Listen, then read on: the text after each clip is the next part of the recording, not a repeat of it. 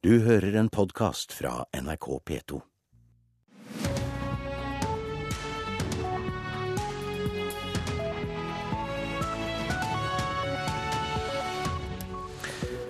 Nå skal eh, Øystein Heggen ta deg gjennom nyhetsbildet i dag, onsdag 14. Eh, mai. Nå klokka 6.30 er dette overskriftene i Nyhetsmorgen. I Tyrkia har 200 gruvearbeidere mistet livet, flere hundre er fortsatt innesperret i gruven. Bøndene forbereder reaksjoner mot landbruksoppgjøret.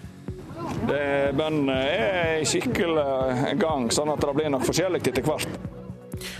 Fiskeri og reiseliv sammen i protest mot gruveslam i Førdefjorden i Sogn og Fjordane.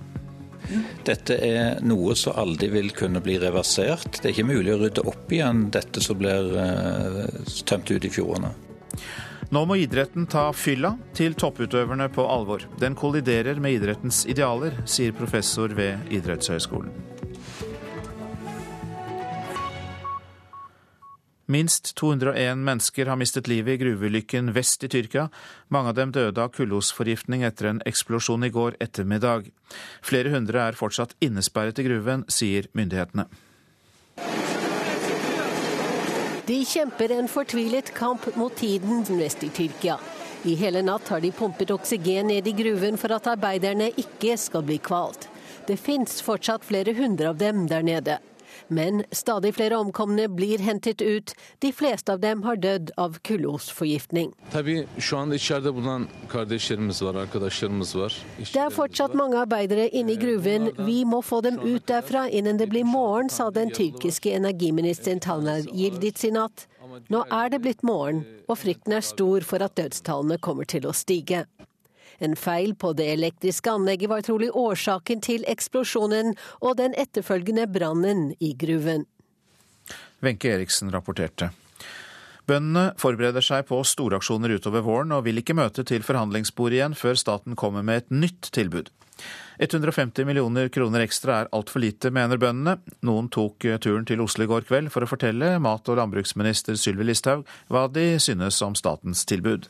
Jeg klarer ikke å se at jeg har fått 4000 kroner. Jeg har, jeg har fått en, en, økt avstand med resten av samfunnet. Grønnsaks- og kornbonde Dag Fredrik Eftedal fra Larvik er en av flere bønder som tok turen til Oslo i går. Han ville fortelle landbruksminister Sylvi Listhaug hvordan han ser på framtida si nå. Handlingsrommet mitt, økonomien min, har blitt jeg, jeg, blir lei meg, rett og slett. Vi mener at vi har lagt fram et eh, godt tilbud som er framtidsretta og som vil gi økt matproduksjon. Så vi er jo uenige om det, og det er umulig for meg å gå inn på dine regnestykker. Sånn at det blir jo vanskelig å svare på ja, jeg forstår ikke dine heller, så det går jo kanskje opp. og når ingen av partene får regnestykket til å gå opp, har eh, tradisjonen i Stortinget vært å vedta regjeringas tilbud. Flertallet i Stortinget vil ha et helt annet tilbud til bøndene enn regjeringa har kommet med. Men Venstre og KrF er likevel skeptisk til å overkjøre regjeringa i Stortinget, sier KrFs Dagrun Eriksen. Hun vil ha partene til forhandlingsbordet igjen. Nå bør begge parter merke seg eh, at eh, fra samarbeidspartiene så er det sterkt ønske om at de skal sette seg igjen i forhandlingsbordet. Vi tror ingen er tjent med at det blir eh, bare et vedtak på statens tilbud i denne gang. Leder i i Norges Bondelag Nils T. Bjørke er ikke interessert i å sette seg ned ved forhandlingsbordet igjen uten bevegelse fra regjeringa. Han varsler mange aksjoner i dagene som kommer. Bøndene er i skikkelig gang, sånn at det blir nok forskjellig etter hvert. Reportere her det var Anne Mone Nordahl og Marit Gjelland. Finansminister Siv Jensen legger i dag fram revidert nasjonalbudsjett, det første budsjettet regjeringen legger fram uten føringer fra den forrige regjeringen. Sjeføkonom Steinar Juel i Nordea, god morgen til deg. Takk. Ja, Hvilke forventninger har du til det reviderte budsjettet? Jeg tror det kan bli eh, litt mer justeringer enn det vi har vært vant til eh, de siste årene. Da vi hadde flertallsregjering, så, så hadde regjeringen full kontroll på budsjettbehandlingen på høsten. Og da var det heller ikke noe behov for å gjøre store korreksjoner i revidert budsjett. Eh, nå har vi en regjering som kommer inn og arvet stort sett det budsjettet de, de la frem, og har nok kanskje behov for å gjøre noen større justeringer på det når de oppdager hva som ligger i, i det. Hvilke stempel tror du det blir viktig for Siv Jensen å sette på budsjettet? Det er fortsatt ansvarlig budsjett, men det er jo et veldig tøyelig begrep. i forstand at eh, De vil sikkert forholde seg til noen av disse rammene som de diskuterte i fjor, i fjor høst. enten totalrammen i kroner, og da kan det likevel bli noen penger, mer penger til bruk, fordi noen utgifter kan ha, ha blitt mindre, f.eks. at sykefraværet går ned. Det kan bety at man har mer penger til disposisjon. Eh, og det kan også, eller De kan si at uh, oljefondet ble mye større enn vi trodde. slik at disse berømmelige 2,9 av oljefondet, som var et sånn politisk tall i fjor høst, det er plutselig blitt et større tall. Så det kan godt være at det også gir grunn til at de kan si at de kan bruke litt mer penger. Men blir det mer penger for Siv Jensen og de andre statsrådene, eller blir det mer penger på nordmenn flest her? Nei, Jeg tror det blir eh, primært utgiftsøkninger. Kanskje til eh, investeringer, ting som er vekstfremmende, som da, som da har vært veldig uh, viktig for, for de, både, KrF, både, for Fremskrittspartiet og Høyre og flagget, at oljepenger skal brukes til vekstfremmende ting. Samferdsel, bygninger, forskning eller hva det måtte være. Når vi først har det her, Steinar Juel, hvordan står det til med norsk økonomi? Ja, Det står jo eh, bra til, jeg kan ikke si det av noe annet, men det går litt langsommere i, i økonomien enn det det har gjort før. Eh, vi har en situasjon hvor aktiviteten i, på norsk sokkel, altså oljevirksomheten, har flatet noe ut og kanskje går litt ned når vi ser inn i neste år. Eh, og Det trekk, gjør at norsk økonomi går langsommere, altså veksten er langsommere. Folk er litt forsiktige med pengebruken. Arbeidsmarkedet er ikke så stramt som det var, og lønnsveksten som vi får er ikke så høy som den var. Hvordan eh, skal vi se norsk økonomi i lys av Europas økonomi nå? For der har det jo vært noe bedring i enkelte land, eh, bl.a. Eh, Portugal, Hellas. Ja, altså vi, vi, går litt i motfase. altså vi, vi, mister litt fart når de andre begynner å få litt mer fart. Og, og vi hadde høy hastighet da de andre gikk utforbakke. Så, så, i så måte så er vi litt i motfase, men, men uh, vi er likevel på en situasjon hvor vi er vanvittig mye bedre utgangspunkt og, og situasjon enn det de landene i Sør-Europa er, med at vi har en veldig lav ledighet tross alt, og at det vokser. Og Det er ikke snakk om at det går noe utforbakke. Takk skal du ha i denne omgang, sjeføkonom i Nordea, Steinar eh, Juel.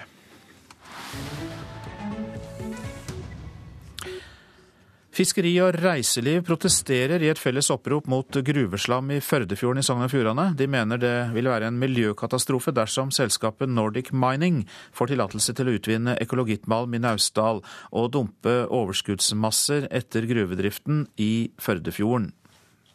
Ja, ja. ja det er utvilsomt. Det er en forferdelig skandale. Hadde dette her vært et, eh, et uhell, dette utslippet vært et uhell, så hadde vi snakka om en miljøkatastrofe. Fem representanter fra fiskerinæringa i fylket og én fra reiselivet holdt i går felles pressekonferanse i fiskerivirksomheten Fishguard sine lokale i Florø. Og det var en samstemt gjeng som protesterer mot den planlagte gruvedrifta i Vevring i Naustdal. Nordic Mining hevder gruvedrifta vil skape 170 nye arbeidsplasser i Naustdal.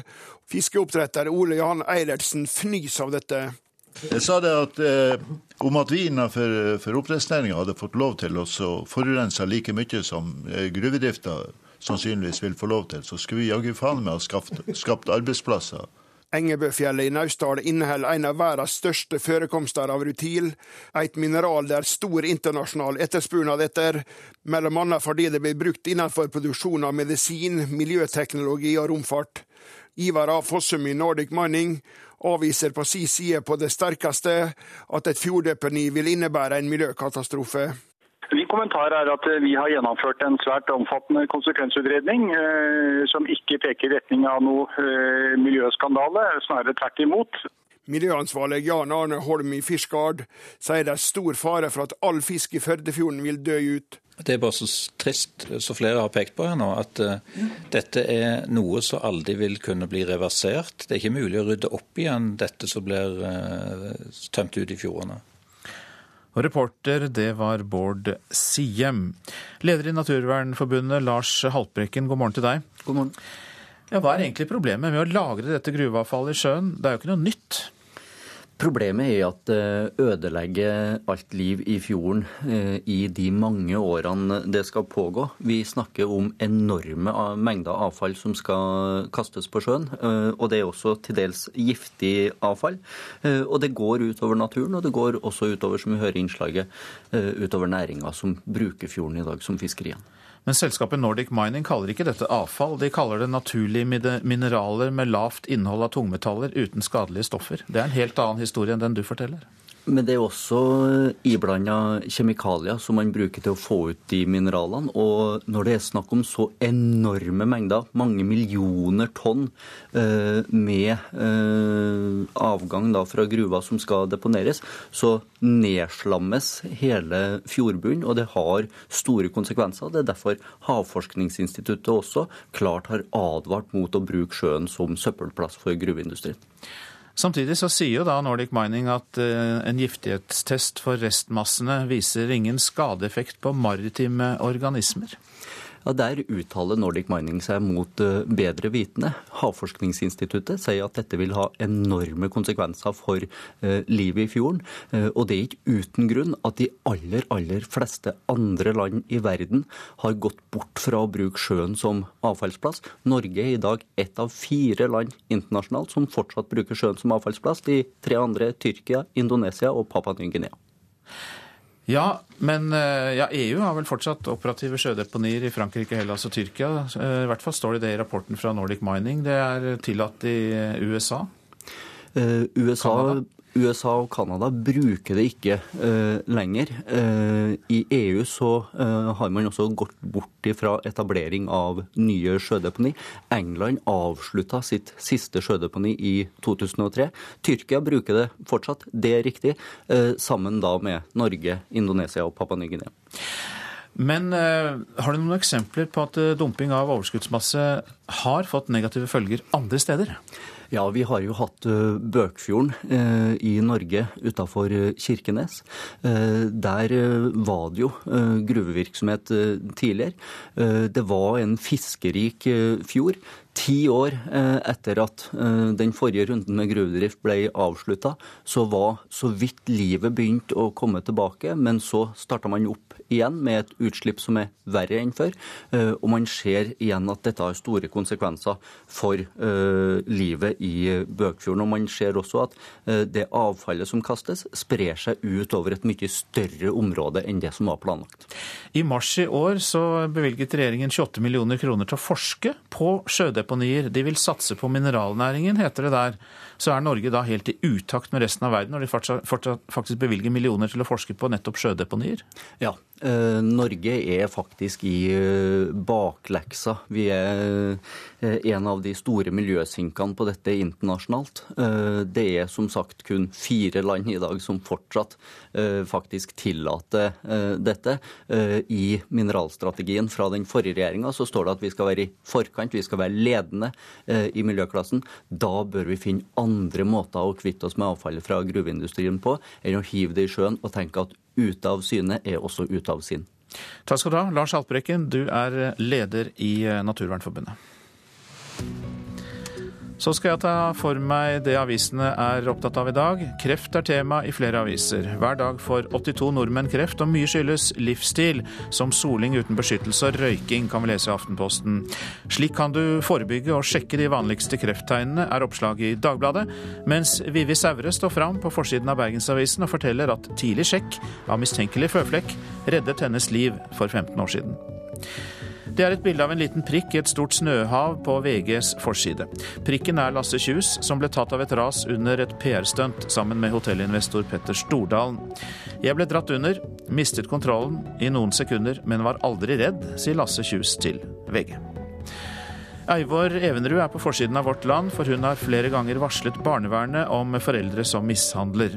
Barne barnehagelæreren mener terskelen for å melde fra er for høy, og hun har opplevd at omsorgssvikt og mishandling ofte har vært verre enn hun først trodde. Vi kan se traktorer i bygatene på Nasjonens forside. Bøndene kommer til å svare regjeringen med spontanaksjoner over hele landet etter bruddet i jordbruksforhandlingene, kan vi lese der. Siv Jensen blåser i OECD-kritikk, kan vi lese i Klassekampen. For å få bukt med ulikhet bør Norge ha arveavgift og formuesskatt, mener Organisasjonen for økonomisk samarbeid og utvikling. Men finansministeren har ingen planer om å snu. Carl I. Hagen som leder av Nobelkomiteen er tema i Dagsavisen. En gruppe sentrale Frp-ere jobber for å få den tidligere partilederen til å overta som komitéleder etter Torbjørn Jagland. Blant aktivistene for Hagen som Nobelleder er Christian Tybring-Gjedde. Vi handler på nett for 15,2 milliarder kroner, er oppslaget i Dagens Næringsliv. Men eh, regjeringen beholder 200-kronersgrensen for netthandel i revidert nasjonalbudsjett. Det eneste fornuftige, sier sminkegründer Einar Øgrei Bransdal til avisa. Han slipper dermed økt konkurranse fra utenlandske bedrifter. Fedrelandsvennen lister opp underskuddene til fotballklubben Start gjennom de siste 13 år. Og i år skulle klubben endelig gå i balanse, men slik blir det ikke. Inntektssvikt fører til at fotballklubben styrer mot millionunderskudd nok en gang.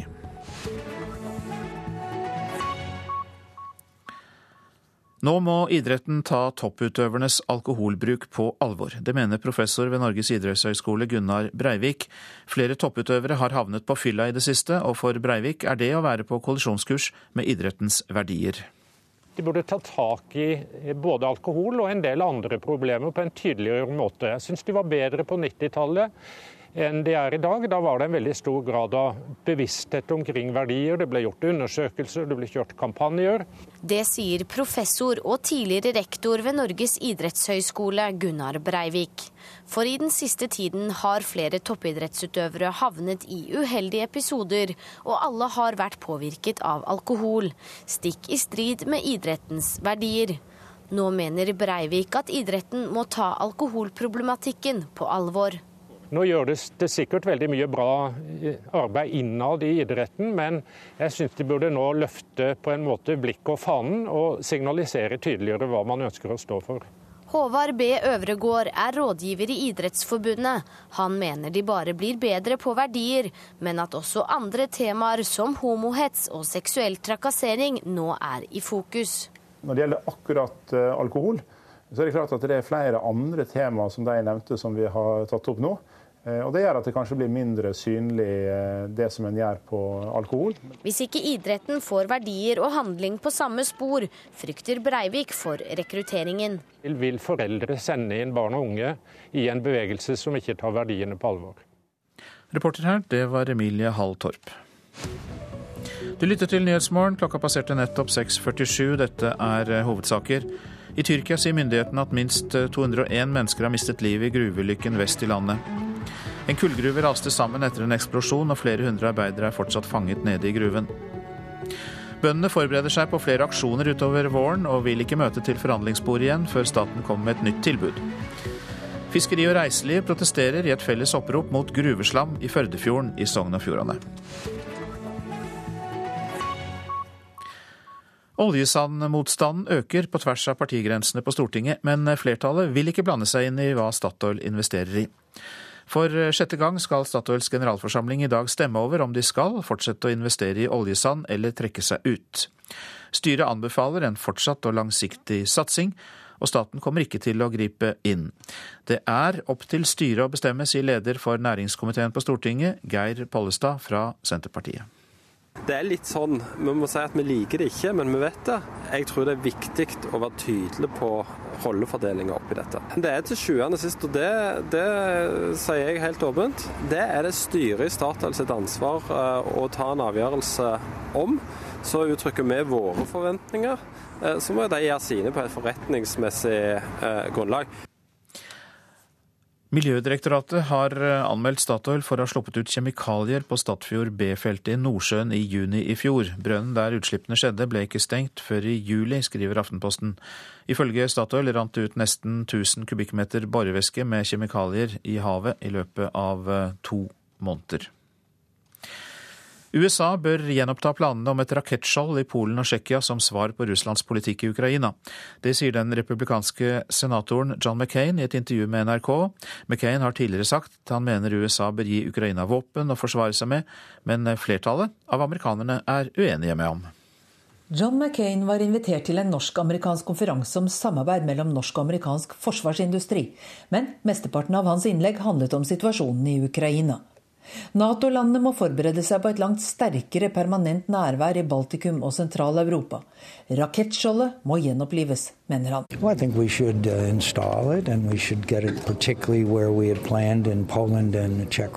but... Jeg mener vi bør installere deler av skjoldet i Polen og Tsjekkia, som opprinnelig planlagt. Men jeg har ingen tillit til at president Obama vil gjøre noe som helst, la han til. McCain er medlem av utenrikskomiteen i Senatet og er blant de få amerikanske kongressrepresentantene som reiser mye i Europa for å holde seg oppdatert, bl.a. i Norge. Planene om rakettskjoldinstallasjoner i de tidligere Warszawapakt-landene ble skrinlagt av president Obama som en del av forsøket på å få til en såkalt restart i forholdet til Russland da Dmitrij Medvedev satt som president. I stedet ble antirakettrakettene utplassert på skip, og offisielt har USA hele tiden hevdet at rakettforsvaret er rettet mot Nord-Korea og Iran, ikke mot Russland. Er så Russland igjen en hovedtrussel sett med amerikanske briller, spør jeg. It depends on what Vladimir Putin figures the cost is for further enlargement. Det avhenger av hva Putin mener kostnadene er for videre ekspansjon av det russiske imperiet, mener McCain. Hans visjoner kan ramme Odessa, Moldova, de baltiske landene og kostnaden vil avhenge av våre reaksjoner på hans oppførsel. Så langt er våre reaksjoner en vits, mener McCain, som sier at USA burde forsynt den ukrainske regjeringen med defensive våpen. Start with body armor. Give them night vision capability. Give them some defensive weapons. Give them some anti-armor. Start med skuddsikre vester. Gi dem nattbriller og antitanksvåpen. Kan de vinne? Nei. Vil de kjempe? Ja. Vil det styrke moralen? Absolutt. Og de vil føle seg mindre forlatt, sier senator McCain om ukrainerne. Han representerer én av to fløyer i det republikanske partiet. Den andre er langt mer isolasjonistisk, og i tråd med folkemeningen. For ifølge en meningsmåling offentliggjort i slutten av april, er det et klart flertall i begge partiene mot å forsyne den ukrainske regjeringen med våpen. Gro Holm, Washington. I dag starter filmfestivalen i Cannes. Vegard Larsen, filmmedarbeider i NRK, programleder for Filmbonanza. Du er med oss fra den franske byen, heldigvis, for å hjelpe oss med dette. Hvordan er stemningen? Nei, den er upåklagelig, den i dag. Solen skinner her på Croisetten, og det er litt sånn feberstemning nå før det hele braker løs. Det skjer jo ikke noe her i dag før klokken er ti. Grace of Monaco heter åpningsfilmen. Den er omstridt, har jeg hørt. Ja, muligens. Altså, den handler jo om uh, Grace uh, Kelly, altså skuespilleren som fant seg en lokal prins fra Monaco her uh, under filmfestivalen i Cannes i 1955. og det er klart at hun har jo levende barn som lever den dag i dag, og, og de er ikke nødvendigvis like glad for at det har blitt laget en film om moren og faren deres. Den norske filmregissøren Halvard Witzøe drar til Cannes med sin film 'Ja, vi elsker' og kjemper om beste kortfilm. Har han eh, en god sjanse til å få pris? Ja, altså, Det vil jeg si. Han eh, vant jo en eh, studentfilm-Oscar for den forrige kortfilmen sin, og også nominert til en Oscar den gang, så, så han er et hett navn her nede i kortfilmkategorien, det vil jeg si. Men ikke mer enn det? Ikke mer enn et hett navn? Nei, altså, det, det, er jo, det, er jo, sånn i Cannes her at uh, ingenting er avgjort før filmene er vist. Dette er jo første gang filmene vises for verden, så det er liksom vanskelig å spekulere før man har sett noe som helst her nede. Så la oss eh, heve blikket og skue utover til de gjeveste prisene. Altså Gullpalmen, da. Hvilke favoritter der? Um, altså, Sånn jeg ser det, så, så er det én mann kanskje som uh, utmerker seg. Uh, det er en uh, 50 år gammel russer som heter Andrej Syagentsev. Han har lagd en to timer og 20 minutter lang film om hverdagslivet ved Barentshavet. høres kanskje ikke så spennende ut, men han har en vanvittig god film-CV. Og, og, hans film skal jeg i hvert fall holde et ekstra øye med i år. Noen andre? Ja, også det er jo en, eh, en rekke gjengangere her.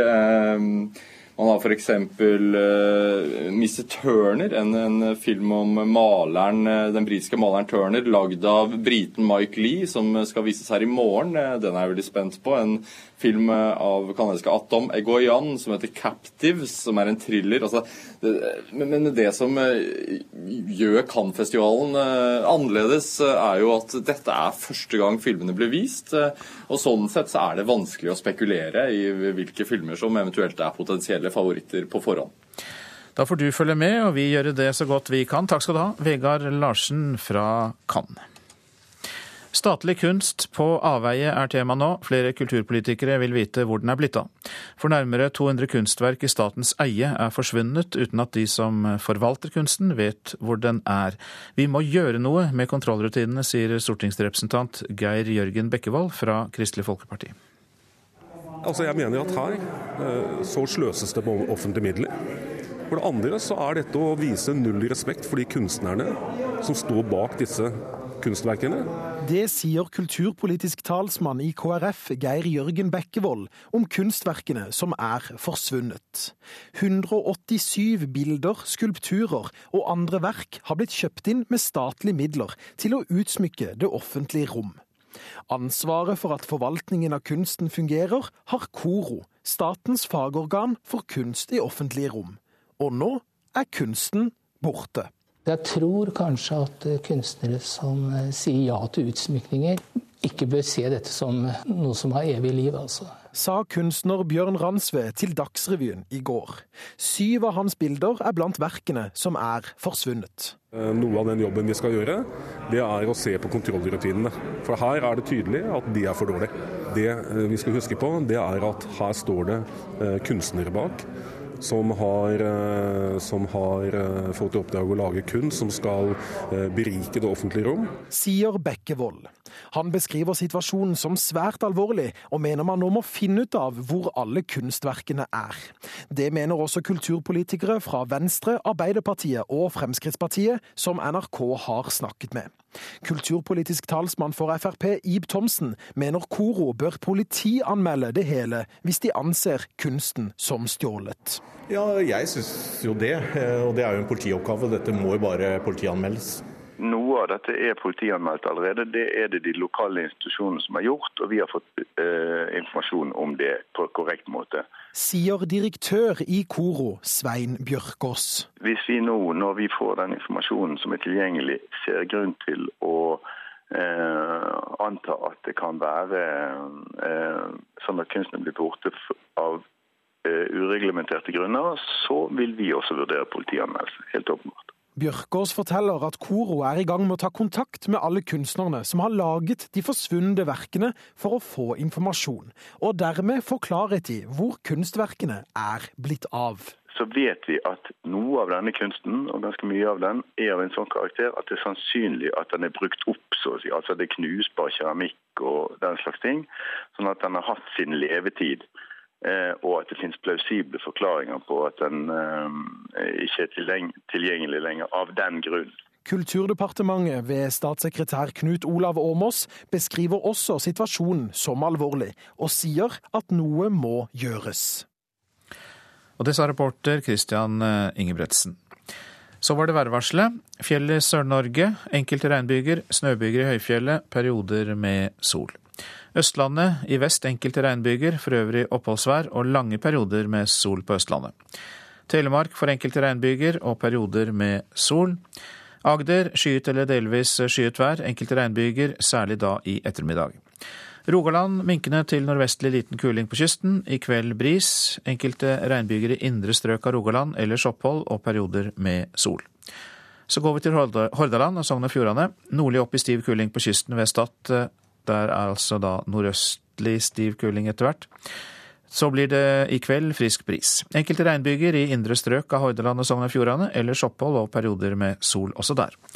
Møre og Romsdal enkelte regnbyger vesentlig i indre strøk. Trøndelag enkelte regnbyger, snøbyger i eh, høyden. Nordland og Troms enkelte sludd- og snøbyger. På Helgeland regnbyger og perioder med sol. Vi går til Finnmark. Periodevis liten kuling utsatte steder. Enkelte snøbyger. Vesentlig ytre strøk i vest og nord av Finnmark.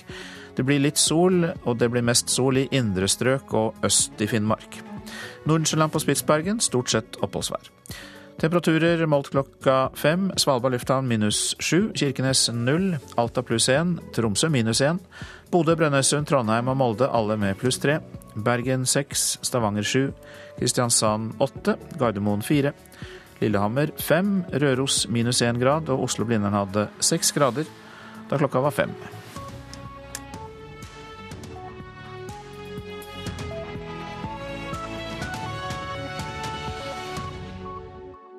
Du hører en podkast fra NRK P2. Dette er Nyhetsmorgen, og vi får selvfølgelig mer om gruveulykken i Tyrkia.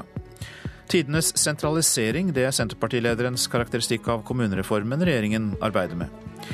Revidert nasjonalbudsjett legges altså fram i dag. Hvilket stempel vil Siv Jensen forsøke å sette på budsjettet, selv om hun eh, sier at eh, endringene ikke blir store? Foreldre og russ fester sammen, det er siste nytt i russefeiring. Vi har sett oss nødt til å kalle på forskerhjelp for å analysere dette fenomenet. Men først til gruveulykken i Tyrkia, der eh, tallet på døde er kommet opp i over 200. Det er gått 15 eh, timer siden ulykken skjedde. Utenriksmedarbeider Wenche Eriksen, hva er siste nytt du har? Det er at det offisielle, eh, offisielle, tallet på omkomne nå er 201, men det er tall som neppe kommer til å stå så lenge. Det er trolig flere hundre som fortsatt er innesperret i denne gruven, som ligger to kilometer under bakken. Og selv om gruvearbeiderne var utstyrt med gassmasker, og noen har funnet luftlommer, og oksygen har vært pumpet ned i gruven i hele natt, så er det liten håp om at de kan eh, ha vært noen hjelp, disse tiltakene, så mange timer etter at gruvegangene ble fylt med røyk, etter en eksplosjon og en brann deretter. Redningsarbeidet er svært vanskelig. Mange av arbeiderne befinner seg fire kilometer fra utgangen til gruven, og da strømmen gikk for eh, ca. 15 timer siden, altså, så stoppet også heisene som eh, redningsarbeidere kunne bruke for å, folk, eh, for å få folk ut. Eksplosjon og brann, sier du. Er det for tidlig å si noe om hva som forårsaket det, eller er det kommet noen informasjoner om det? De tror at det var en feil på det elektriske anlegget, en transformator, som førte til denne eksplosjonen, som så igjen førte til en brann. Eh, og eksplosjonen førte også da til at eh, det var en del av eh, gruven som raste sammen, og en del arbeidere skal ha befunnet seg der. Hva vet vi om sikkerheten i tyrkiske gruver? Nå har det vært en rekke ulykker i tyrkiske gruver. Det verste hittil, i hvert fall, var for 20 år siden. Men eh, denne gruven ble inspisert i mars, og ifølge det tyrkiske arbeidsdepartementet ble det da ikke funnet noen brudd på sikkerhetsforskriftene. Men en av arbeiderne sier til nyhetsbyrået AFP at det tror han ikke noe på. Det var ikke noe sikkerhet i denne gruven, sa han. Ledelsen eh, bryr seg bare om penger, og fagforeningen er bare nikkedukker, sier denne arbeideren. Takk for at du følger med på dette for oss, utenriksmedarbeider eh, Wenche Eriksen. Utkantene blir taperne i de nye storkommunene regjeringen vil ha. Det mener Senterpartileder Trygve Slagsvold Vedum. Han mener det lokale tjenestetilbudet i kommunene kommer til å forsvinne. Det vil bli tidenes sentraliseringsreform når målet er å redusere antall kommuner fra over 400 til ca. 100 kommuner. I dag skal kommunalminister Jan Tore Sanner fra Høyre presentere en tidsplan for en kommunereform. Et ekspertutvalg har allerede foreslått at norske kommuner bør ha minst 15 000-20 000 innbyggere. Avstandene vil bli enorme i mange kommuner, og over tid så vil det også gi sentralisering av pleie, omsorg og skole. For vi vet av erfaring med tidligere sammenslåinger at man i starten opprettholder tjenestene rundt omkring i kommunene, men etter hvert så sentraliserer man dem.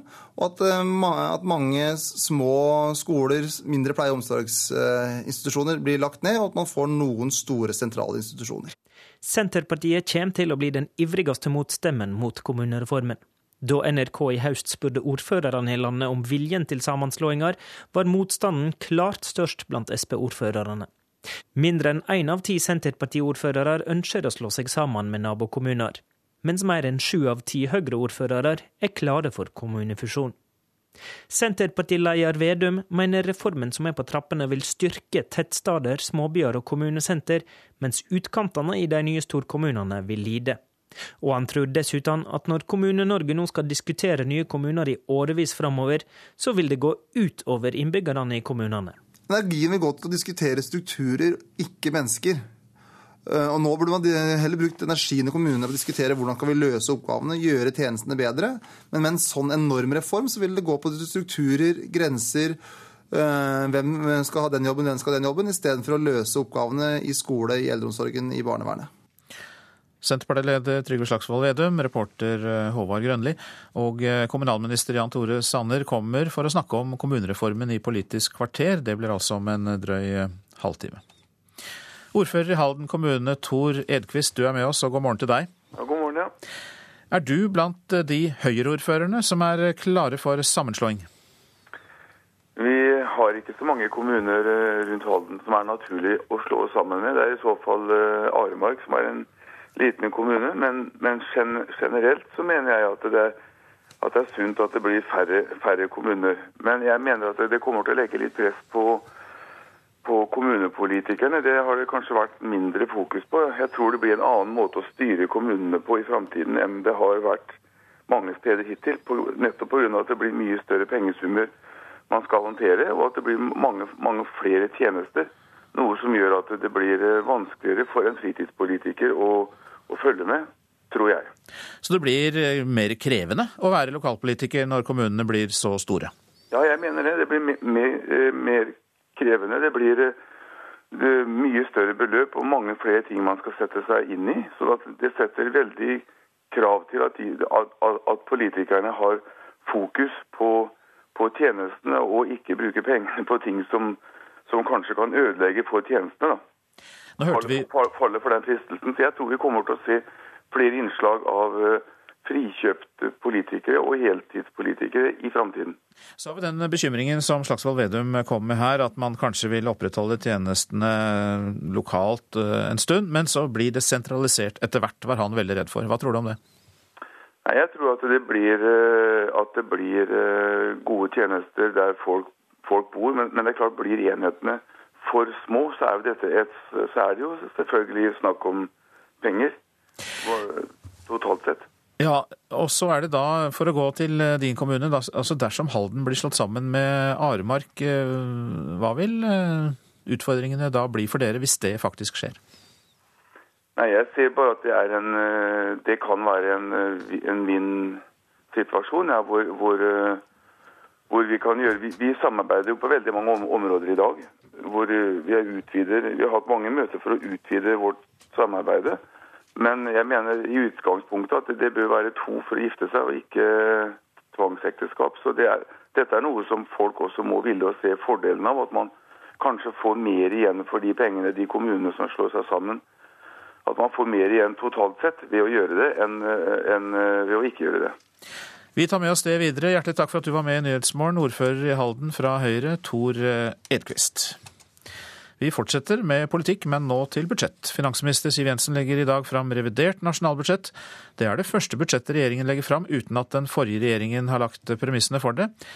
Men eh, Siv Jensen er opptatt av å tone det hele ned. Revidert budsjett er som vanlig kun en budsjettrevisjon, hvor vi oppdaterer anslagene basert på eh, nyere tall. Vi gjør noen nødvendige endringer fordi vi har nye anslag. Noen ting som regjeringen satset på i eh, budsjettet som ble vedtatt i høst, går i den retningen vi ønsket at det skal gå. Da forsterker vi noen av tiltakene. Og da er politisk kommentator i NRK Magnus Takvam kommet i studio. Ja, hva tror du? Du tror det ligger an til små endringer i revidert nasjonalbudsjett. Eh, hvorfor tror du det? Fordi det rett og slett ikke er noen stor turbulens i eh, økonomien som tilsier store endringer. Eh, verken store kutt eller motkonjunkturpolitikk i budsjettet. Og det er jo også sånn at vi har en mindretallsregjering. og da må jo den forhandle med Stortinget om å få flertall for budsjettet. Og hvis det er store, kontroversielle ting i revidert budsjett, så vil det bli skal vi si, politisk eh, vanskelige forhandlinger. Og det vil man på en måte reservere til den ordinære budsjettbehandlingen eh, om, om, høsten. Men skal, noen eh, konfliktsaker blir, blir det alltid. Det blir det alltid. Men eh, selv om det altså er revidert budsjett og alt det der, og at det blir mer til høsten, så, så har vel Siv Jensen behov for å sette et visst stempel på budsjettet? Hvor tror du det kan komme? Ja, altså Det er jo som sagt i det ordinære budsjettet virkelig hun kan rydde opp og helt starte fra null. Dette er jo delvis en revidering av et budsjett som ikke var, var eh, hennes eget. Men de store linjene fra denne nye regjeringen er jo eh, skattelette, som skal skape vekst, eh, såkalt. Og det er forenklinger og den typen eh, si, retning, og også en, videreføre en, en, ansvarlig økonomisk politikk, eh, men da med en annen innretning. Mer til si, infrastruktur, samferdsel, utdanning osv. Får AS Norge mer penger å bruke? Det er både plusser og minuser. Det som er interessant i akkurat dette budsjettet, er at den største enkeltendringen faktisk i anslagene er en betydelig svikt i inntektene til staten fra nybilsalg. Årsaken er eksplosjonen i omsetning av elbiler og hybridbiler, som står mot opp mot 30% av nybilsalget. På årsbasis ville dette betydd milliardsvikt for staten. Så jeg tror at det faktum kommer til å føre til en ny debatt om hvor lenge kan man fortsette med det gunstige regimet som man har på, på elbiler, f.eks. Vi følger med på dette i løpet av dagen, nemlig revidert nasjonalbudsjett. Mange takk skal du ha, politisk kommentator i NRK, Magnus Takvam. Ja, du lytter til eh, Nyhetsmorgen, eh, og klokka den eh, går mot kvart over sju. Dette er noen av våre hovedsaker. I Tyrkia sier myndighetene at minst 201 mennesker har mistet livet i gruveulykken vest i landet. En kullgruve raste sammen etter eksplosjon. Flere hundre arbeidere er fortsatt fanget nede i gruven. Tidenes sentralisering, det er Senterpartilederens karakteristikk av kommunereformen som regjeringen arbeider med. Bøndene forbereder seg på flere store aksjoner utover våren, og vil ikke møte til forhandlingsbordet igjen før staten kommer med et nytt tilbud.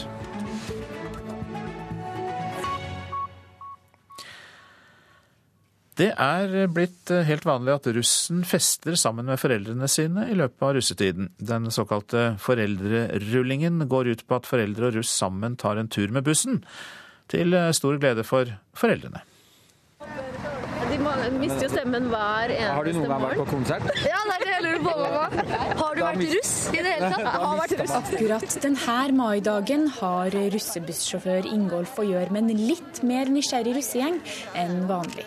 For i dag fester russejentene på bussen Crazy Kangaroo med sine egne foreldre. Pappa Runar Strandskogen tar noen forholdsregler før han går om bord i bussen. Ansvarlige foreldre med, med ørepropper. Ja.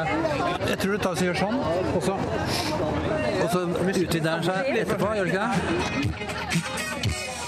Litt beskyttelse mot den dundrende bassen må til, for selv om musikksjangeren er tilpassa gjestenes smak, er ikke lydvolumet det. I en times tid danser mødrene og fedrene med russen mens Crazy Kangaroo ruller rundt i Bærum kommune. Mamma Lisbeth Vangsal har for anledninga tatt på røde bukser og en hettegenser med logoen til bussen. Vet du hva? De har jobbet selv og spart egne penger. Russebussen eh, Alt har de gjort selv. Og det er en del av skolegangen, syns jeg, å lære å jobbe i team. Og nå, det, nå spiller de musikk fra 80-tallet, og sånn vekker det en liten sånn ungdomsgreie? Ja, veldig. På hvilken måte merker du det? Nei, altså Det er russetiden min. Å få lov til å få noen uh, russesanger. Og får vi Let's Dance med Bowie. Det var min russedans gjennom Karl Johan. Og det er bare Nei, det er bare helt rått. Det er moro, moro, moro, moro. Du, nå må du inn i bussen. Nå er tissepausen over. Hun er ikke den eneste forelderen som danser i en russebuss denne våren. Foreldrerulling blir vanligere og vanligere, forteller russepresident Andreas Barrett. Det har blitt utrolig vanlig for de aller, aller fleste bussene rundt. Det er noe som er utrolig etterspurt, og noe som fort er noe av det største, første spørsmålet som kommer opp eh, når russetiden starter fra foreldrene sin side. Hvorfor har det blitt så vanlig, tror du? Jeg tror det er dette med at man egentlig ikke skjønner hva russetiden handler om før man plutselig går inn i en buss med lys og lyd og all den stemningen som faktisk er. På bussen Crazy Kangaroo er det i alt 26 jenter som har brukt tre år på å samle inn penger til en buss og planlegge russetida. Det er helt vanlig blant russ i deler av Norge. Julie Polmar og Vilde Marie Jacobsen sier de gir foreldrene en russefest for at de skal få et innblikk i russefeiringa. I hvert fall moren min er veldig, jeg er veldig, har et veldig godt forhold med henne. Så når hun er med meg, så betyr det veldig mye for meg så at hun ser hvordan jeg har det når jeg er ute hver kveld. For hun lurer på hvordan jeg har det. Hun er jo bekymret. Så jeg vil at hun skal vite akkurat hva vi driver med, og det får jeg jo vist til begge to nå. Er det noen ting som er flaut? Nei, nei jeg, jeg er litt flau overfor dem noen ganger. På hvilken måte? Måten de danser på, måten de oppfører seg på og sånn. Men det, sånn har de alltid vært, så det går fint.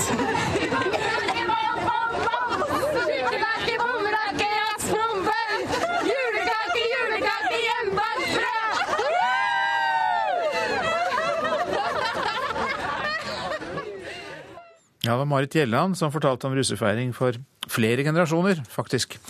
Anders Bakken, god morgen til deg. Takk for det. Du er forskningsleder for seksjonen for ungdomsforskning på NOVA, altså Norsk institutt for forskning om oppvekst, velferd og aldring. Og ja, er det en ny trend dette her, at eh, foreldre og russ eh, feirer sammen? Altså Faktisk så vet vi relativt lite systematisk om hvor utbredt eh, dette er, men det vi ser at dette her er eksempler på, det er en trend som vi har sett for så vidt de siste kanskje 20 årene. At generasjonskløften mellom ungdom og foreldre, som vi gjerne har vært veldig vant til å tenke på har vært veldig stor, det er langt på vei brutt sammen. Det vi ser nå, det er en foreldregenerasjon og en ungdomsgenerasjon som nærmer, hverandre, nærmer seg hverandre på veldig mange ulike områder. Og ungdom oppfatter foreldrene sine på veldig positive måter. Når vi spør dem, så, så har de stor tillit til foreldrene sine. De opplever foreldrene som veldig engasjerte og har stor oversikt over det livet de lever.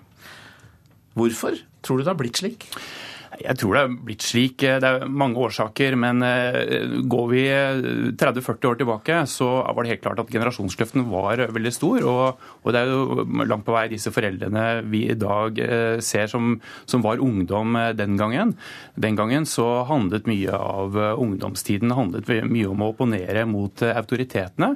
Og de oppfattet foreldrene sine som langt på vei gammeldagse på veldig mange områder. Fordi de ville inn i det nye samfunnet, inn i det nye kunnskapssamfunnet samfunnet.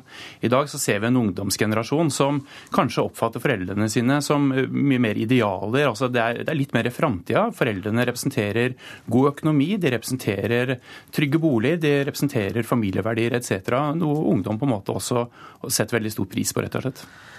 Ja, Men er det ikke slik at unge mennesker trenger å opponere mot det bestående også? At det faktisk er en del av det å utvikle seg, det å vokse opp?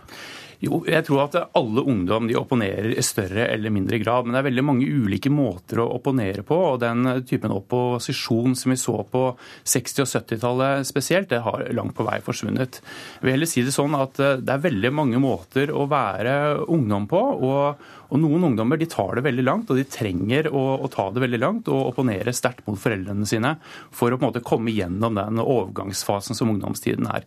Men for de aller fleste ungdommer trenger sannsynligvis ikke dette opprøret. Men det at foreldre er med og ruller i disse russebussene, det er ikke pinlig unaturlig og naturstridig, da?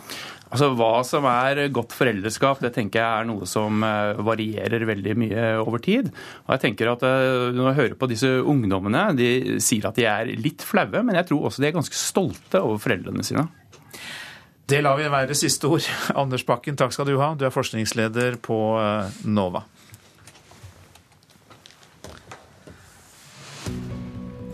Så er det avisene og det de har på forsidene i dag. Kreft er tema i flere aviser. Hver dag får 82 nordmenn kreft, og ny, mye skyldes livsstil som soling uten beskyttelse og røyking, kan vi lese i Aftenposten. Slik kan du forebygge og sjekke de vanligste krefttegnene, det er oppslaget i Dagbladet, mens Vivi Sauere står fram på forsiden av Bergensavisen og forteller at tidlig sjekk av mistenkelig føflekk reddet hennes liv for 15 år siden. Det er et bilde av en liten prikk i et stort snøhav på VGs forside, og denne prikken det er Lasse Kjus. Han ble tatt av et ras under et PR-stunt sammen med hotellinvestor Petter Stordalen. Jeg ble dratt under og mistet kontrollen noen sekunder, men var aldri redd, sier Lasse Kjus. Eivor Evenrud er på forsiden av Vårt Land, for hun har flere ganger varslet barnevernet om foreldre som mishandler. Barnehagelæreren mener terskelen for å melde fra er for høy, og hun har opplevd at omsorgssvikt og mishandling ofte har vært verre enn hun først trodde. Vi kan se traktorer i bygatene på Nasjonens forside. Bøndene kommer til å svare regjeringen med spontanaksjoner over hele landet etter bruddet i jordbruksforhandlingene. Og som vi hørte i Dagsnytt, det har visst begynt allerede. Siv Jensen blåser i OECD-kritikk, kan vi lese i Klassekampen. For å få bukt med ulikhet bør Norge ha arveavgift og formuesskatt, mener Organisasjonen for økonomisk samarbeid og utvikling. Men finansministeren har ingen planer om å snu. Carl I. Hagen som leder av Nobelkomiteen er tema i Dagsavisen. En gruppe sentrale Frp-ere jobber for å få den tidligere partilederen til å overta som komitéleder etter Torbjørn Jagland. Blant aktivistene for Hagen som Nobelleder er Christian Tybring-Gjedde. Vi handler på nett for 15,2 milliarder kroner. Det gjorde vi i fjor. Det er oppslag i Dagens Næringsliv. Men regjeringen beholder 200-kronersgrensen for netthandel i revidert nasjonalbudsjett. Det eneste fornuftige, sier sminkegründer Einar Øgrei Bransdal, som dermed slipper økt konkurranse fra utenlandske bedrifter. Fedrelandsvennen lister opp underskuddene til fotballklubben Start gjennom de siste 13 år. For i år skulle klubben endelig gå i balanse, men slik blir det ikke. Inntektssvikt fører igjen til at klubben styrer mot millionunderskudd. En uke før EU-valget viser flere meningsmålinger at europeerne tror den økonomiske krisen ennå ikke er over, og at det er verre tider i vente. Ifølge Eurobarometeret tror hele 47% at bunnen ennå ikke er nådd, og franskmenn er de mest pessimistiske. Korrespondent Åse Marit Befring i Paris, hvorfor så stor skepsis? Frankrike er vinnere i pessimisme, skriver avisa Le Monde, og begrunner det med at det tross alt ikke er dem som er, var hardest rammet av denne krisen. Men likevel så er altså flertallet overbevist om at det verste er i vente. Men arbeidsledigheten i Frankrike er høy. Den er på 11% Den har ikke beveget seg nedover. Vi ser ikke noen endring, selv om Francois Hollande i ett år snart har lovet at nå er bunnen nådd. Slik at Det er grunnen til at de er skeptiske og pessimistiske. Sier dette eurobarometeret noe om hva folk frykter? Ja, det de frykter, er arbeidsplassen sin, rett og slett. De frykter for å miste jobben. Det sier to av tre. Og de tror at landets økonomi er verre nå enn for bare et år siden. Og I en annen undersøkelse som, undersøkelse som Le Monde gjengir, så sier mange at de frykter for at velferdsstaten vil bli dårligere. Tre av fire sier at de tror at deres barn vil få det verre enn hva de selv hadde det på samme alder. Hvilke følger kan denne skepsisen som altså er i folkedypet få for EU? Ja, konsekvensen av det kommer vi trolig til å se allerede i neste uke. Alle meningsmålinger tyder på at det blir veldig få som kommer til å gå til valgurnene. Og mange av de som gjør det, vil stemme på det ytterliggående partiet Nasjonal Front. Slik at Nasjonal Front blir det største partiet som Frankrike sender til EU-parlamentet. De blir større enn sentrum-høyre-partiet og mye større enn regjeringspartiet. Så her straffes regjeringspartiet. Og Francois Hollande han sier at han stiller ikke til gjenvalg som president i 2017 dersom ikke arbeidsledigheten går ned.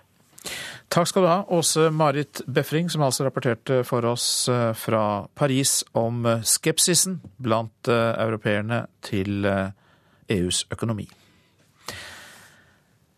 Nå om villsauen, for den er viktig for å beite ned Fitjarøyene i Hordaland og bevare den åpne Lyngheia ut mot kysten. Men så er det slik da at kongeørn tar livet av så mange sau at Mattilsynet vurderer å nekte videre villsaudrift. Ørnen er jo fredet, og fylkesmannen har avslått bondens søknad om fellingsløyve på et hekkende kongeørnpar. Det er ørn som har drept opptil fem lam i uka. Og nå vil ledelsen i Fitjar kommune skyte ørnene. Disse her dyrene har det veldig godt her, hadde de bare fått gått i fred. Og den ser du, den har mista lammet. I tolv år har Jon Inge Vik hatt flere hundre villsau gående ute hele året i den verneverdige Kystlynghøya i Fitjarøyene. I samme perioden har den totalfreda kongeørna etablert seg der. Når ørna har tatt lammet, da springer de rundt helt febrilsk og lurer på hvor lammet er blitt av. Mm. Da er det bare vekke. Styremaktene ønsker både sau, lynghei og kongeørn. Men når bonden de siste to åra har mista rundt 30% av lamma, kan han fra høsten av bli nekta å ha villsau på beite her. Og Det betyr at det er enkelte øyer som ikke får bli benyttet til beite i det hele tatt. Sier seniorrådgiver Trude Lien i Mattilsynet. Altså Det er jo helt uakseptabelt med tap i den størrelsesorden som vi snakker om her. da. Konstant frykt og uro hos disse dyrene, med store lidelser over tid før de dør. Jeg har muligheter til å omplassere noen, og resten må gå til slakt. Men det vil han ikke. Både fordi dette er en verdifull, rein villsaurase, og fordi sauene tygger i seg og dermed holder vekke busk og kratt fra kystlingheia. I stedet har Vik søkt om fellingsløyve på det hekkende kongeørnparet.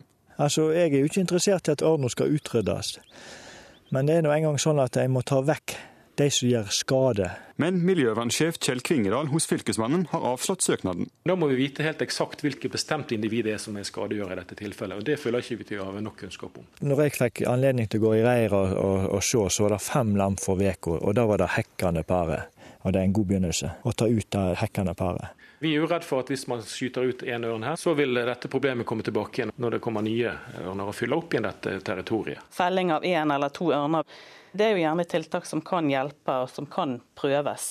Sier Lien i Mattilsynet. Det samme mener Fitjar-ordfører Wenche Tislevold. For skal vi kunne skjøtte det kulturlandskapet, så er, ser jeg i landet faktisk, så er vi avhengig av at eh, sauer får beite. Og er det det som må til, så mener jeg at da må det løyve gjeves.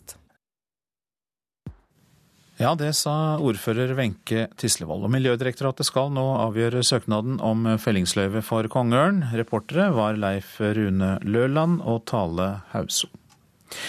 Santa Maria, skipet til Christoffer Columbus, kan være funnet nord for Haiti over 500 år etter at skipet sank.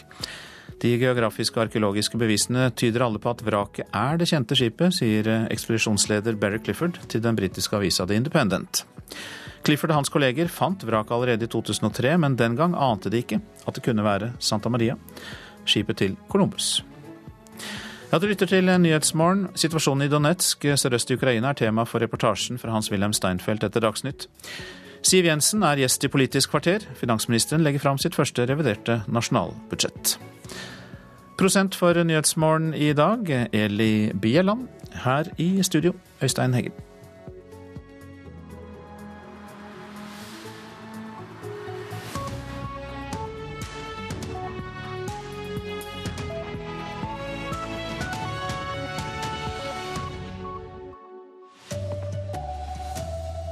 I Tyrkia blir det gjort fortvila forsøk på å pumpe luft ned til flere hundre fanga gruvearbeidere.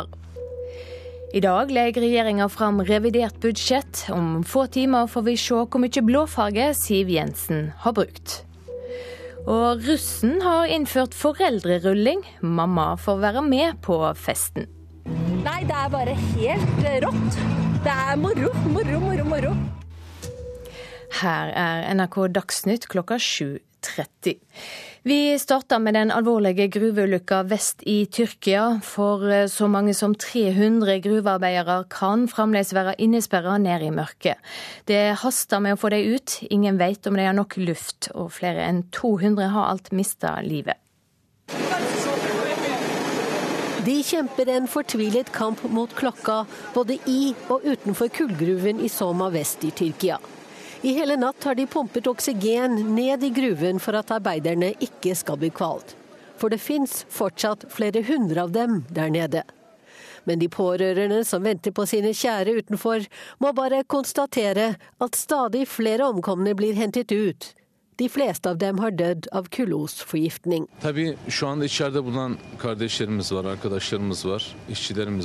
Det er fortsatt arbeidere inne i gruven. Vi må få dem ut derfra innen det blir morgen, sa den tyrkiske energiministeren Taner Yildiz i natt. Nå er det blitt morgen, og frykten er stor for at dødstallene kommer til å stige. En feil på det elektriske anlegget var trolig årsaken til eksplosjonen og den påfølgende brannen i gruven. To kilometer under bakken ble gruvegangen fylt med røyk, og strømmen gikk slik at heisene ikke fungerte. Det var nesten 800 arbeidere i gruven da ulykken skjedde i går ettermiddag. Ifølge det tyrkiske arbeidsdepartementet ble kullgruven inspisert i slutten av mars uten at det ble funnet brudd på sikkerhetsforskriftene. Men det er en konklusjon ikke alle som jobbet i gruven var enige i. Det sa utenriksmedarbeider Wenche Eriksen. I dag blir revidert nasjonalbudsjett lagt fram av regjeringa. Selv om det er første gang Frp-leder og finansminister Siv Jensen legger fram et revidert budsjett, ligger det ikke an til store omveltninger i politikken. Revidert budsjett er justeringa av statsbudsjettet for året vi er inne i. Har verden endra seg, må budsjettet endre seg. Derfor kommer f.eks. ei ekstraløyving til brannsikring etter brannen i Lærdal. Og det blir lagt mer i potten for videre utdanning av lærere. Og noen politiske signal blir selvsagt sendt. Som f.eks. at Siv Jensen fjerner hestekraftavgift på båtmotorer, slik hun varsla i Dagsrevyen i går. Den eh, relativt eh, lille motoren vil kunne bli 2000 kroner billigere. Detaljene vil bli lagt fram i formiddag, men noen godbiter har som alltid lekket ut. Regjeringa markerer seg på justisområdet ved å gi ekstraløyvinger til fengselsplasser, og til å sende ut folk som oppholder seg ulovlig i landet. Fasit kommer klokka 11. Det sa reporter Håvard Grønli. Velkommen til Dagsnytt, finansminister Siv Jensen. Har været endra seg? Hvordan kommer folk flest til å merke de endringene du legger fram? God morgen. Det er jo sånn som reporteren helt riktig sa, at dette er en budsjettrevisjon, hvor vi oppdaterer anslag og ikke minst prognosene for norsk økonomi. Nå er det sånn at norsk økonomi går ganske godt. Vi har eh, anslag for eh, fortsatt eh, vekst. Den er litt avdempet, kanskje. Sysselsettingen er høy i Norge, og arbeidsledigheten er lav. Og da påkaller ikke det de store endringene nå. Men vi gjør mer av det vi vet virker. Det er jo derfor vi bl.a. styrker etter- og videreutdanningen av lærerne, fordi det er rekordsøking, og vi vil gjerne at flere skal kunne ta etter- og videreutdanning allerede nå. Men kanskje ikke de store endringene for folk flest. Og så har det vært noen lekkasjer. Kommer det med flere overraskelser i dag? Kan du lette litt på sløret? kommer nok noen få til. Men det er klart, eh, dette er, det er viktig for eh, Fremskrittspartiet og denne regjeringen å føre en trygg og ansvarlig økonomisk politikk som gjør at folk kan sove godt om natta. Det er viktig at vi bidrar til å holde renta lav og kronekursen eh, i orden. Det styrker arbeidsplassene, det styrker folks private økonomi, og det er ikke minst kanskje noe av det alle er opptatt av. Så er det selvfølgelig sånn at det å gjøre noen hyggelige ting, som f.eks. å fjerne båtmotoravgiftene, det tror jeg særlig båtfolket kommer til å sette stor pris på nå som båtsesongen står for tur. Og det er en avgift som er meningsløst dyr for staten å kreve inn. Så den koster rett og slett mer enn den smaker. Takk for at du kom i studio, Siv Jensen. og Det blir mer om nasjonalbudsjettet straks i Politisk kvarter på P2. Bøndene har varsla store aksjoner, og mange starter alt i dag. Statens tilbud om en økning på 150 millioner kroner i inntekt er altfor lite, mener bøndene, som altså brøt forhandlingene med staten i går. I dag er det bålbrenning og plakataksjon langs E134 i Hokksund i Buskerud, og der er du reporter Jan Erik Viltil. Hva skjer? Du, jeg står ved siden av et eh, sprakende varmt bål i veikanten langs eh, europaveien her. Eh, det betyr ikke at bøndene har tyvstartet sankthansfeiringen, men er snarere et signal om hvor hett det har blitt i jordbruksoppgjøret, og at bøndene nå for alvor fyrer seg opp. Og Egil Hoen i Buskerud Bondelag, hvor sint er du akkurat nå? Ja, nå er vi rimelig frustrert og forbanna, faktisk, eh, etter bruddet i jordbruksoppgjøret og den måten regjeringa har håndtert oss bønder på i etterkant. Dette er eh, en krigserklæring. Ja, hvorfor akkurat eh, bålbrenning? Det er for å symbolisere at nå er regjeringas tilbud så dårlig at norsk matproduksjon rett og slett går opp i røyk. Du, dere har et banner her hvor det står 'Når bonden er daud, så jubler Listhaug'. Det er ganske kraftig kost? Ja, det er det. Eh, det var ikke det som var planen i utgangspunktet, men etter uttalelsene fra landbruksministeren i går ettermiddag, så fant vi ut at nå må vi eh, skjerpe og spisse budskapet vårt. Så det var en kreativ gjeng som satte seg ned og lagde nye bannere på sparket. Ja, og Bøndene som står her i veikanten eh, på Europavei 134, de har fått en del støtte fra bilister som har passert i bakgrunnen. Det har vært en del tuting og mange tomler opp for bøndene akkurat nå. Ja, takk skal du ha, reporter Jan Erik Vilthild. Utkantene blir taperne i de nye storkommunene regjeringa vil ha. Det hevder Senterpartileder Trygve Slagsvold Vedum. Han mener det lokale tjenestetilbudet i kommunene kommer til å bli borte. Det vil bli tidenes sentraliseringsreform når målet er å redusere antall kommuner fra over 400 til ca. 100 kommuner. I dag legger kommunalminister Jan Tore Sanner fra Høyre fram planen for en kommunereform i Norge. Et ekspertutvalg har peka ut retninga og foreslått at norske kommuner bør ha minst 15 000-20 000 innbyggere. Senterpartiet kommer til å argumentere mot reform. All erfaring fra tidligere sånne sammenslåinger er at etter hvert så vil også skoler, sykehjem og andre tilbud bli sentralisert. Og Det er ingenting som tyder på noe annet nå, når man skal gå fra over 400 og ned til 100, som det ekspertutvalget sa. At man på sikt også vil sentralisere tjenester. At man får noen store sentrale institusjoner. Kommunalminister Jan Tore Sanner sier reformen ikke vil gi sentralisering. Den sentraliseringen Vedum snakker om, den kom med en Senterpartiet satt i regjering. Da ble det lagt ned én grunnskole hver åttende dag, og makt ble sentralisert i Norge. Jeg ønsker å desentralisere makt, flytte mer makt til kommunene, styrke det lokale selvstyret og sette kommunene i stand til å gi gode velferdstjenester til innbyggerne. Reporter Håvard Grønli. Foreldre som har russ i huset, trenger ikke lenger sitte hjemme og lure på hva de unge driver med, for eh, nå fester mange russ sammen med foreldre. En kveld i russetida er det foreldrerulling. Da er mor og far velkomne i russebussen. Det er moro, moro, moro. Mamma Lisbeth Vangsal har for anledninga tatt på røde bukser og en hettegenser med logoen til datteras russebuss. Beinar jobbing med skolen, og da å kunne nyte avslutningen med russetiden, fantastisk. Sammen med resten av foreldrene til jentene på bussen Crazy Kangaroo er hun med på russefeiringa for én kveld. Med ørepropper som beskytter mot en dundrende bass, danser foreldrene til gamle slagere på bussens dansegulv. Foreldrerulling blir vanligere og vanligere, forteller russepresident Andreas Barrett. Det har blitt utrolig vanlig for de aller, aller fleste bussene rundt. Hvorfor har det blitt så vanlig, tror du? Jeg tror det er dette med at man egentlig ikke skjønner hva russetiden handler om før man plutselig går inn i en buss med lys og lyd og all den stemningen som faktisk er. Russejentene Julie Polmar og Vilde Marie Jacobsen sier de gir foreldrene en russefest for at de skal få et innblikk i russefeiringa. I hvert fall moren min er veldig, jeg veldig, har et veldig godt forhold med henne. Så når hun er med meg, så betyr det veldig mye for meg så at hun ser hvordan jeg har det når jeg er ute hver kveld. For hun lurer på hvordan jeg har det. Hun er jo bekymret. Er det noen ting som er flaut? Så jeg er litt flau overfor dem noen ganger. På hvilken måte? Måten de danser på, måten de oppfører seg på og sånn.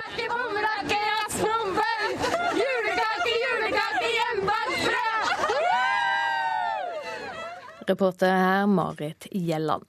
Ansvarlig for Dagsnytt i dag, Anne Skårseth. Tekniker Beate Haugtrø. Her i studio, Silje Sande.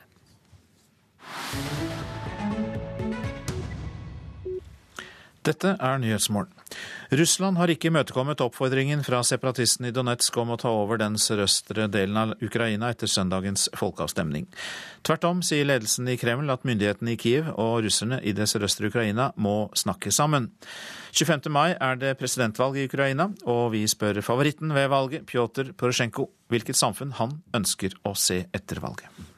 What kind of society would you want to see if you become the president? Uh, look, the, all the reform can be effective if you have support of the people.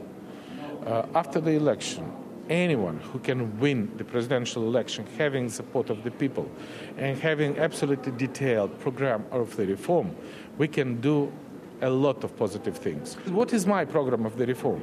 I am the author of the political part of the association agreement. I am the person who was a main negotiator on the economic part of the association agreement. And if you ask me what is my plan for modernizing my country, association agreement with the European Union, it was one of my main achievements.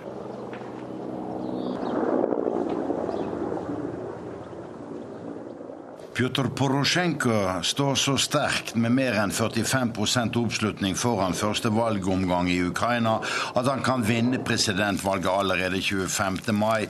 Julia Timosjenko står bare på tredjeplass, langt, langt bak.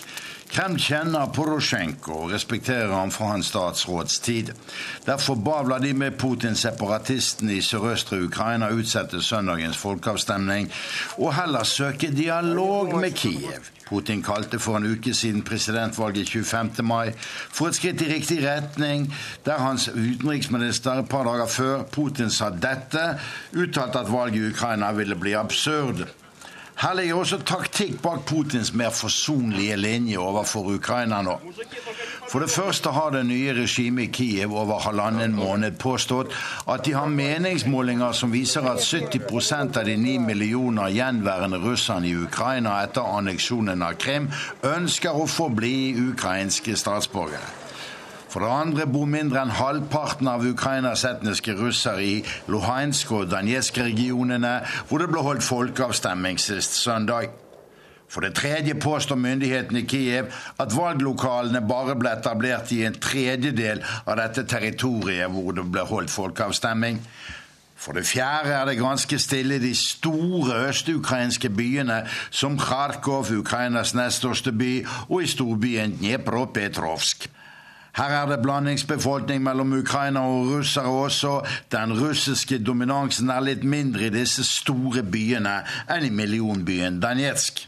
For det femte stemte det svære flertall av etniske russere i Ukraina for uttreden fra Sovjetunionen under folkeavstemningen i Ukraina den 1.12.1991. Den gangen sa Ukraina farvel til Russland og russerne, som dominerte supermakten USSR. For Russlands president Vladimir Putin står det nå om tre ting i Ukraina bevare en viss innflytelse etter anneksjonen av Krim og de russiske separatistenes atferd i sørøstre Ukraina etter den anneksjonen. Ikke nedkalle mer tunge, alvorlige vestlige sanksjoner over hodet på Russland.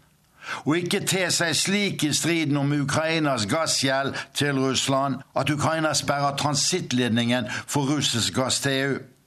Med Pjotr Porosjenko som potensiell vinner av presidentvalget i Ukraina om bare elleve dager, vet også Vladimir Putin at han får med en president å gjøre som åpent sier at det ikke fins noe overlegent flertall for Nato-medlemskap i Ukraina. NATO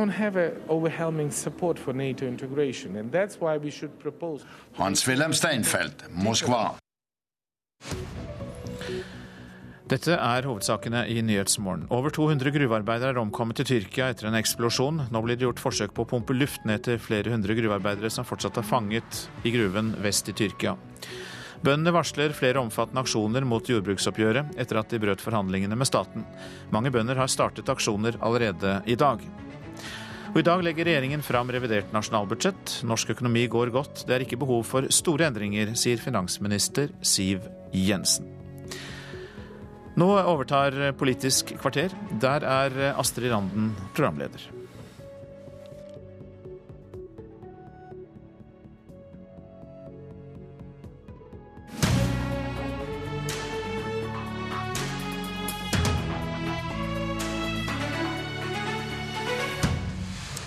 Finansminister Siv Jensen, i dag legger du altså fram ditt første reviderte budsjett. og Hva er den beste gava du har med deg til Frp-velgerne i dag? Jeg tror den beste gaven til alle som bor i Norge, er at regjeringen fører en ansvarlig økonomisk politikk som gjør at vi kan sove trygt om natten. Og det tror jeg er viktig for oss alle sammen. At renta er lav, at kronekursen holder seg i ro. Fordi det sikrer arbeidsplasser, det sikrer jobbene våre, og det sikrer at vi har inntekter til å drive økonomien vår videre på. Men så er det selvfølgelig sånn at et revidert budsjett, enda så kjedelig det tross alt er, fordi det handler om anslagsendringer og justeringer basert på eh, hvordan økonomien har utviklet seg de siste månedene, inneholder selvsagt også noen nyheter. Der forsterker vi en del av de tingene som går bra allerede. Etter- og videreutdanning av lærere f.eks., som betyr masse for barna våre, at vi får de beste lærerne i norsk skole. Der gjør vi mer fordi søknadene dit er eh, stor. Men du har ikke noe ekstragave til de som faktisk stemte på Frp? Jo, de stemte på Fremskrittspartiet, tror jeg, både for å få en bedre skole, for at vi skulle rydde opp i de ulovlige innvandrerne som oppholder seg i Norge. og Derfor øker vi nå farten på uttransportering av eh, ulovlige innvandrere. Det er et virkemiddel vi satte i gang med fra, fra årsskiftet. Det virker, og det vil vi gjøre mer av. Så hørte vi i Dagsrevyen i går at eh, det vil gjøre det billigere å kjøpe nye båtmotorer? Vi fjerner, foreslår rett og slett å fjerne båtmotoravgiften. Det er en utrolig dyr avgift å kreve inn for staten, og oppleves som litt meningsløs. Samtidig som mange nok kan tenke seg å skifte ut gamle motorer med nye drivstoffgjerrige motorer, som gjør at tanken varer lenger, og kanskje at motoren også støyer litt mindre. Så her tar vi rett og slett bort hele avgiften med virkning fra 1.7. Er det noen andre store grep som regjeringa legger fram i dag? Vi kommer med en god del eh, store utredninger og omtaler. Vi viser f.eks. til eh, har en gjennomgang av eh, landbruksbeskatningen som vi lovet Stortinget å komme med. Den legger vi frem. For der var det altså sånn at det fjerna arveavgifta. Og dette fikk noen konsekvenser for landbruket som Noen hevdet det, men det at vi har fjernet arveavgiften har vært bra for absolutt alle. For det betyr at man slipper å betale arveavgift ved, ved død. Det er jeg for, og det mener jeg er en riktig avgiftsbortfall. Men det har ikke vært noen, så bra for bøndene? Det har også vært bra for det store store flertallet av norske bønder. Og så må vi huske på utgangspunktet, nemlig at norske bønder, eh, hvis man ser på inntekten de har, allerede betaler lavere skatt enn alle andre sammenlignbare grupper på samme lønnsnivå. Så her ligger politikken fast? Ja, Dette er først og fremst en omtalesak som Stortinget har bedt oss om å komme med. Vi kommer også med en omfattende analyse av eh, utviklingen i salget av elbiler i Norge. Det er villet politikk for så vidt fra et enstemmig storting, hvor man har gitt eh, store eh, både avgiftsfordeler og unntak fra andre bestemmelser som bilister har. Og det virker. Det viser at det å gi insentiver gjennom avgiftsreduksjoner virker, for elbilsalget i Norge eksploderer. Eh, og det gjør at eh, staten nå får mindre inntekter som følge av eh, kjøp av nye biler. Ja, ganske mye mindre. Ganske mye mer. Ja. Hva vil du gjøre nå for å rette opp i det? Altså vil du, vil du prøve å få inn igjen disse pengene på en måte? F.eks. å heve avgifta for bensin- og dieselbil? Regjeringen har eh, forpliktet seg på å videreføre denne, disse lettelsene eh, helt frem til 2017. Hva som skjer etter det, får vi da sette oss ned med Stortinget og diskutere. Men det er jo fordi det gir en omlegging i en fornyelse av norsk bilpark. Men jeg tror nok det er en del bilister der ute som opplever det nå som litt eh, urimelig at alle fordelene går til brukere av elbiler eller lavutslippsbiler. Det er mange mennesker i Norge som ikke har råd til å skifte den bilen de har. Derfor har regjeringen begynt gjennomgangen av hele bilavgiftssystemet for å se om vi kan gjøre andre lettelser også. Så til barnehager. I budsjettet i fjor høst så la det opp til at færre kom til å gå i barnehage siden det økte kontantstøtta. Dermed så ga det altså min, mindre penger til kommunene til drift av barnehager. Men så viste det seg altså at barnehagetallet ikke går ned. Og mange har forventa en ekstrabevilgning her. Kommer den? Nå var det også sånn at vi i 2012 opplevde den helt motsatte situasjonen, nemlig at kommunene tjente mer penger på omleggingen av kontantstøtten, og da satt de ganske stille. Eh, det vi varsler, er at vi ønsker en gjennomgang av dette i samarbeid med KS, altså Interesseorganisasjonen for kommunene, eh, for å få til et bedre beregningsgrunnlag. For jeg tror vi må erkjenne at det beregningsgrunnlaget som har ligget der gjennom flere år, ikke er treffende nok. Vi får ikke gode nok eh, eh, anslag for hvordan dette går.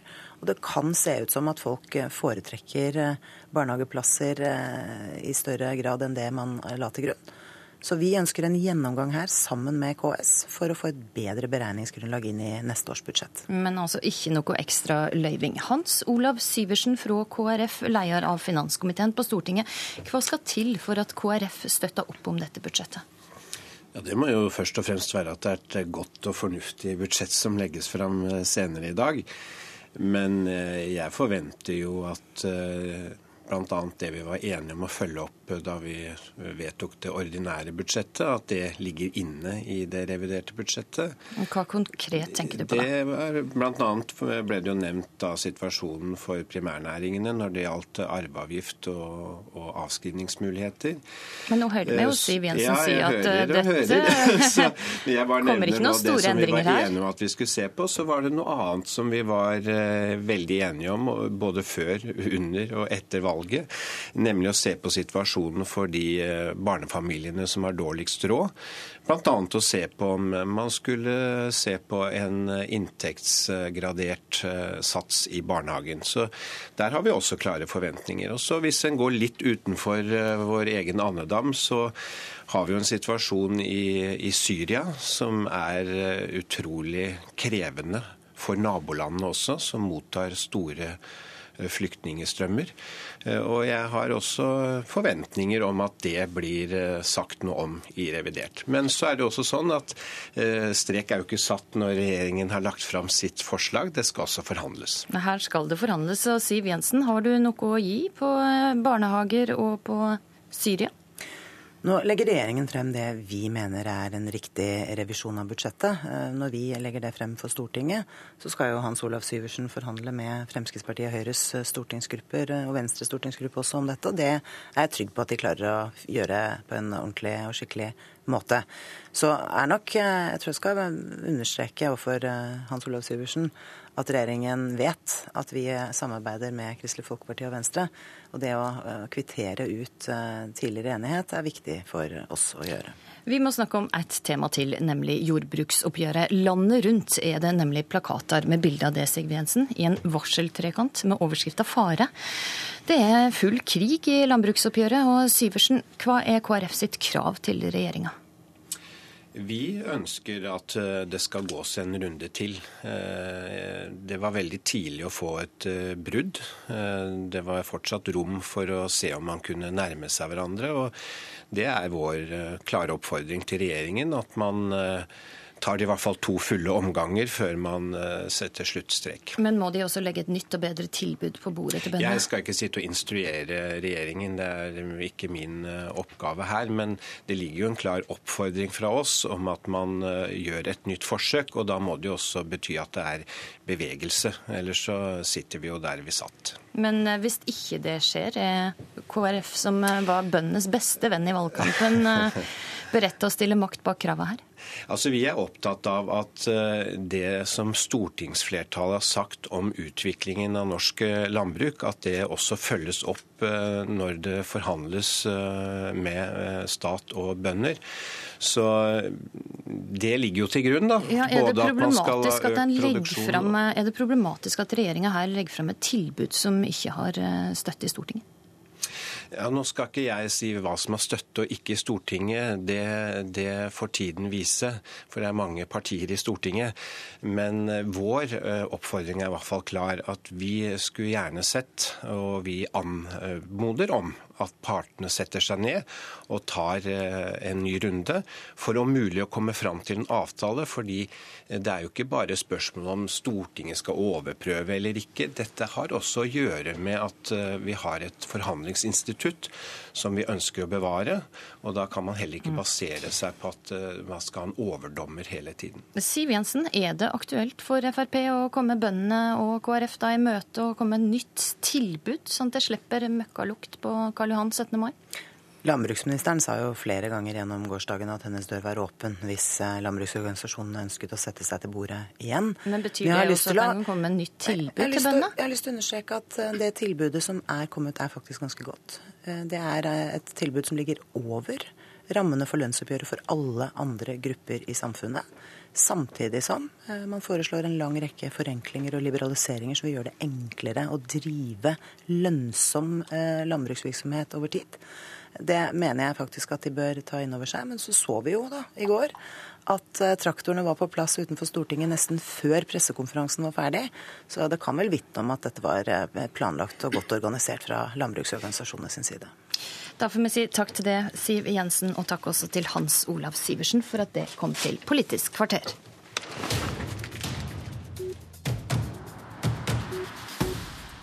Kommunalminister Jan Tore Sanner, i dag går startskuddet. For klokka halv ett legger du fram tidsplan og opplegg for din kommunereform.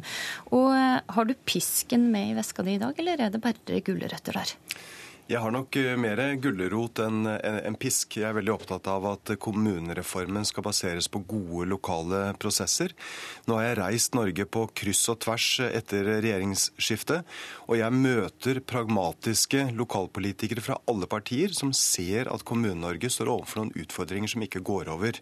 Men du møter vel ikke bare pragmatiske ordførere? Du har jo også noen som sier nei? Jeg vil ikke slå meg sammen med nabokommunen. Ja da, jeg møter også de som sier nei, og jeg møter skeptikere, og jeg møter mange spørsmål. Og jeg er opptatt av at i denne fasen så er det viktig å få alle argumentene på, på bordet. Men det er to store utfordringer. Det ene ser vi i byregionene. Byregionene de vokser, og de vokser mye. Eh, frem mot 2030, og det er bare 16 år til, så kommer byregionen til å vokse med 30% Dagens kommuner rundt byene er ikke skodd for å møte den sterke veksten. Tilsvarende så ser vi i de mindre kommunene så ser vi at det er veldig, veldig sårbare fagmiljøer.